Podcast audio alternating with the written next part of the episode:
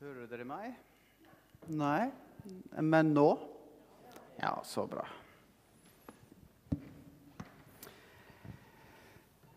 Jeg skal lese fra Lukas 10, fra vers 25 til 37.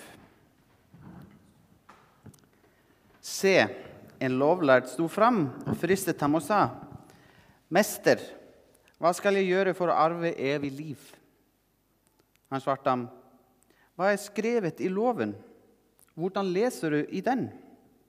Han svarte, Du skal elske Herren din Gud av hele ditt hjerte, av hele din sjel, av all din kraft og av all din makt, nei, alt, alt sinn, og det neste som deg selv. Han sa til ham, Du har svart rett. Gjør dette, og du skal leve. Men fordi han ville rettferdiggjøre seg selv, sa han til Jesus, Og hvem er min neste? Jesus tok dette og sa, Et menneske gikk ned fra Jerusalem til Jeriko, og han falt blant røvere. De tok ham med klærne, slo ham, forsvant og lot ham ligge igjen halvdød.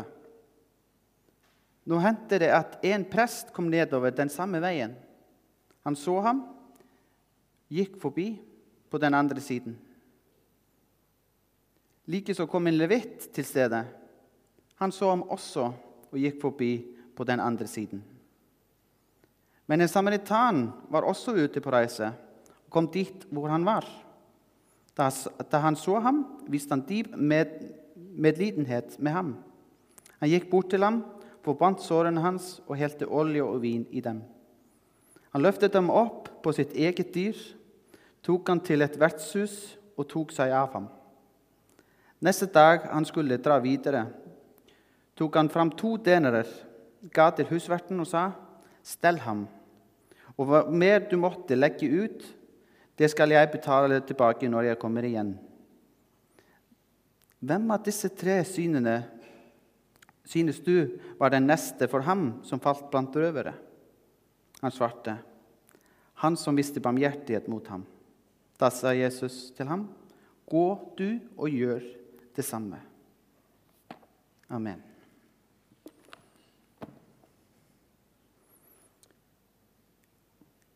En lovkyndig eller en som har skriftlært, spurte Jesus hva han skulle gjøre for å arve evig liv. Jesus henviser til Guds vilje slik den ble åpenbart i Moseloven.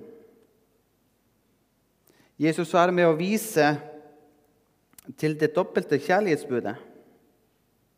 Ja, kjærlighetsbudet som overholdes av vilkårer for å arve evig liv. Dette budet er sammensatt av to skriftsteder fra Det gamle testamentet. 5. Mosebok kapittel 6, vers 5, der det står at du skal elske den Herre av hele ditt hjerte, av all din sjel og av all din makt. Dette er en del av den jødiske trobekjennelsen, der en rettroende jøde skal framsi denne bekjennelsen tre ganger daglig. Den skriftlærde henviser da altså til den elementære grunnbudet i den tro han og alle jøder var opplært i.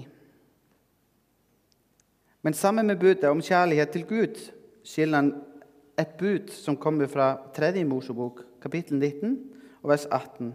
At du skal elske din, herre, elske, elske din neste som deg selv. Han visste at veien til evig liv ikke var bare en gudsforhold å gjøre, men også forhold mellom mennesker. Jødene visste også at budet å elske Gud og sin neste var kjernen i Guds vilje. Jesus anerkjenner skriftlærdes svar med å si 'gjør dette, så skal du leve'. Ja, den som elsker Gud av hele sitt hjerte og sin neste som seg selv, han har løftet om evig liv. Jeg hørte om en dame eh, som var i butikken rett før jul. Og hun skulle kjøpe noe til julemiddagen som hun hadde glemt å kjøpe dagen før. Hun kom til kassen der hun skulle betale. Når kassadama hadde samlet alt inn og hadde skanna, så blir hun avbrutt av en dame som sto bak henne. 'Jeg tar det med mine varer', sa hun. Hun skulle betale for dama som var foran henne.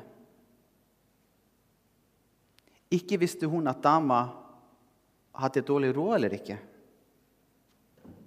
Men tenk deg likevel at jeg vil gjøre noe godt og betale for både seg selv og damen som sto foran. Ikke kjente de hverandre, og det var ikke mye snakk. Men én ting ble sagt.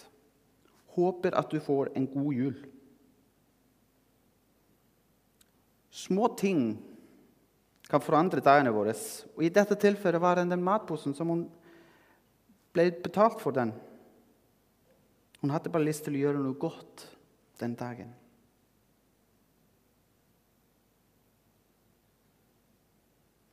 Den fortellingen om eh, barmhjertig samaritanen, eller lignelsen, som Jesus fortalte, er en av de mest kjente lignelsene i Nye testamentet.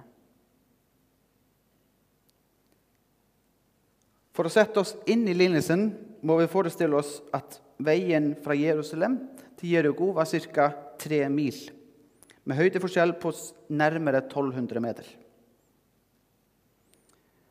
Denne veien går gjennom ørkenlandskap og fjellområder, og med rikelig tilstand tilholdssted for røvere.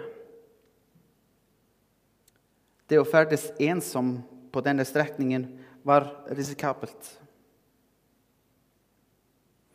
Mannen som Jesus forteller om, ble overfalt av røvere og ble forstjålet alt. Ja, selve klærne også.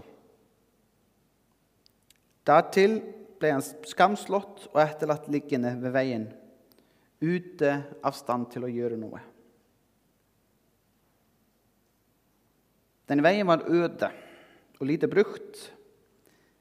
Men etter en stund kom en prest samme vei. Presten var muligens på vei hjem til Jeriko, som var en by som mange prester bodde når de ikke hadde tjeneste i Jerusalem. Presten så mannen som lå der, men unnlot å stanse for å hjelpe. I frykt om kanskje å bli slått sjøl. Det var også slik på, på, denne måten at hvis en prest rørte ved et lik, så var han uren. Han visste ikke om at han levde eller ikke, men turte likevel ikke å ta, ta det sånn. Han bare hastet videre. Jesus sitt poeng var at presten sviktet i en situasjon hvor han skulle ha fulgt budet om kjærligheten til sin neste. Men på nye testamentlig tid var levittene en særskilt gruppe religiøse tjenestemenn. Levitten så også den mannen. Heller ikke han hjalp ham. Og Dette kan godt være at motivene var det samme som presten hadde.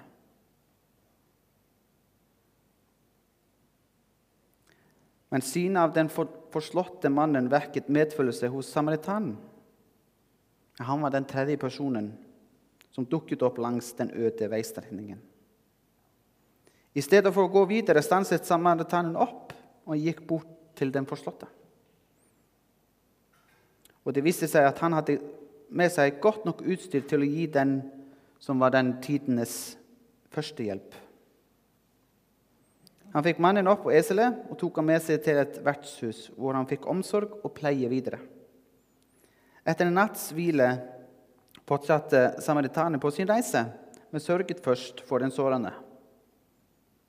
Samaritanen betalte både kost, losji og pleie, og sa at han ville komme samme vei tilbake og betale for ytterligere kostnader som måtte bli nødvendig i forhold til den sårende.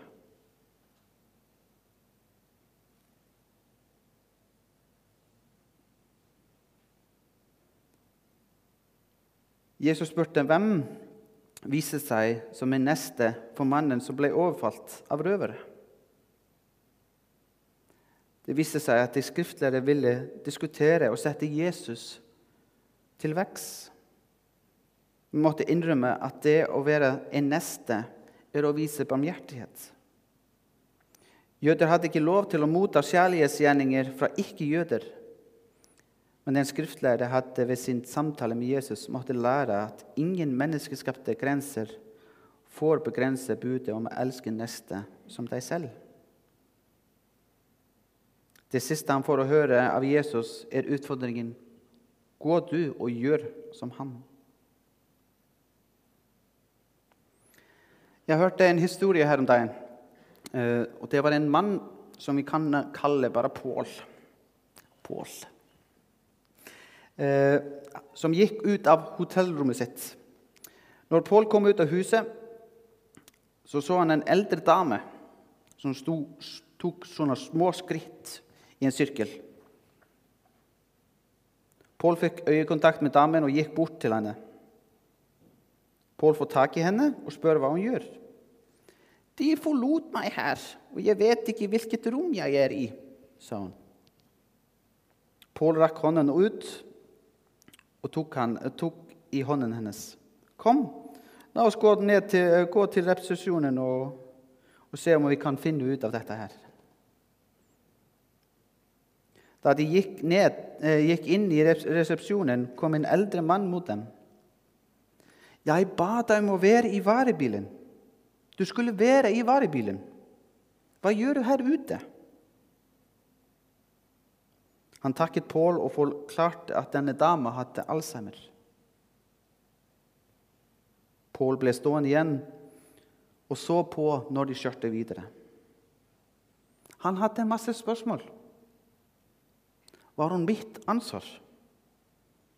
Var det min moralske forpliktelse å stoppe for henne og hjelpe henne? Hun var ikke mora mi. Hadde jeg sinnet hvis jeg hadde satt meg i bilen og kjørt av sted uten om å hjelpe?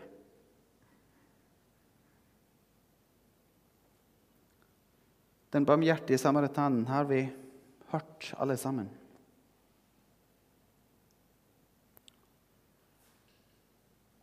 Samaritanen ble et forbilde som et medmenneske som hadde omsorg. Han så og la merke til den som var i nød, og gjorde noe. Han fikk inderlig medfølelse med den lidende. Han stoppet sin vandring, gikk bort til mannen og hjalp ham. Stelte sårene og førte ham til et sted der han kunne få mer hjelp og pleie. For meg så ser jeg samaritanen så, som et bilde på Jesus selv. Som føler, ser og handler ut fra inderlig kjærlighet. Og jeg er sikker på at du kan også bli hjulpet av Herren hvis du bare slipper Han til. Mitt ønske i dag er at vi kan lære noe av denne historien. Ta deg tid og sjekk med din neste.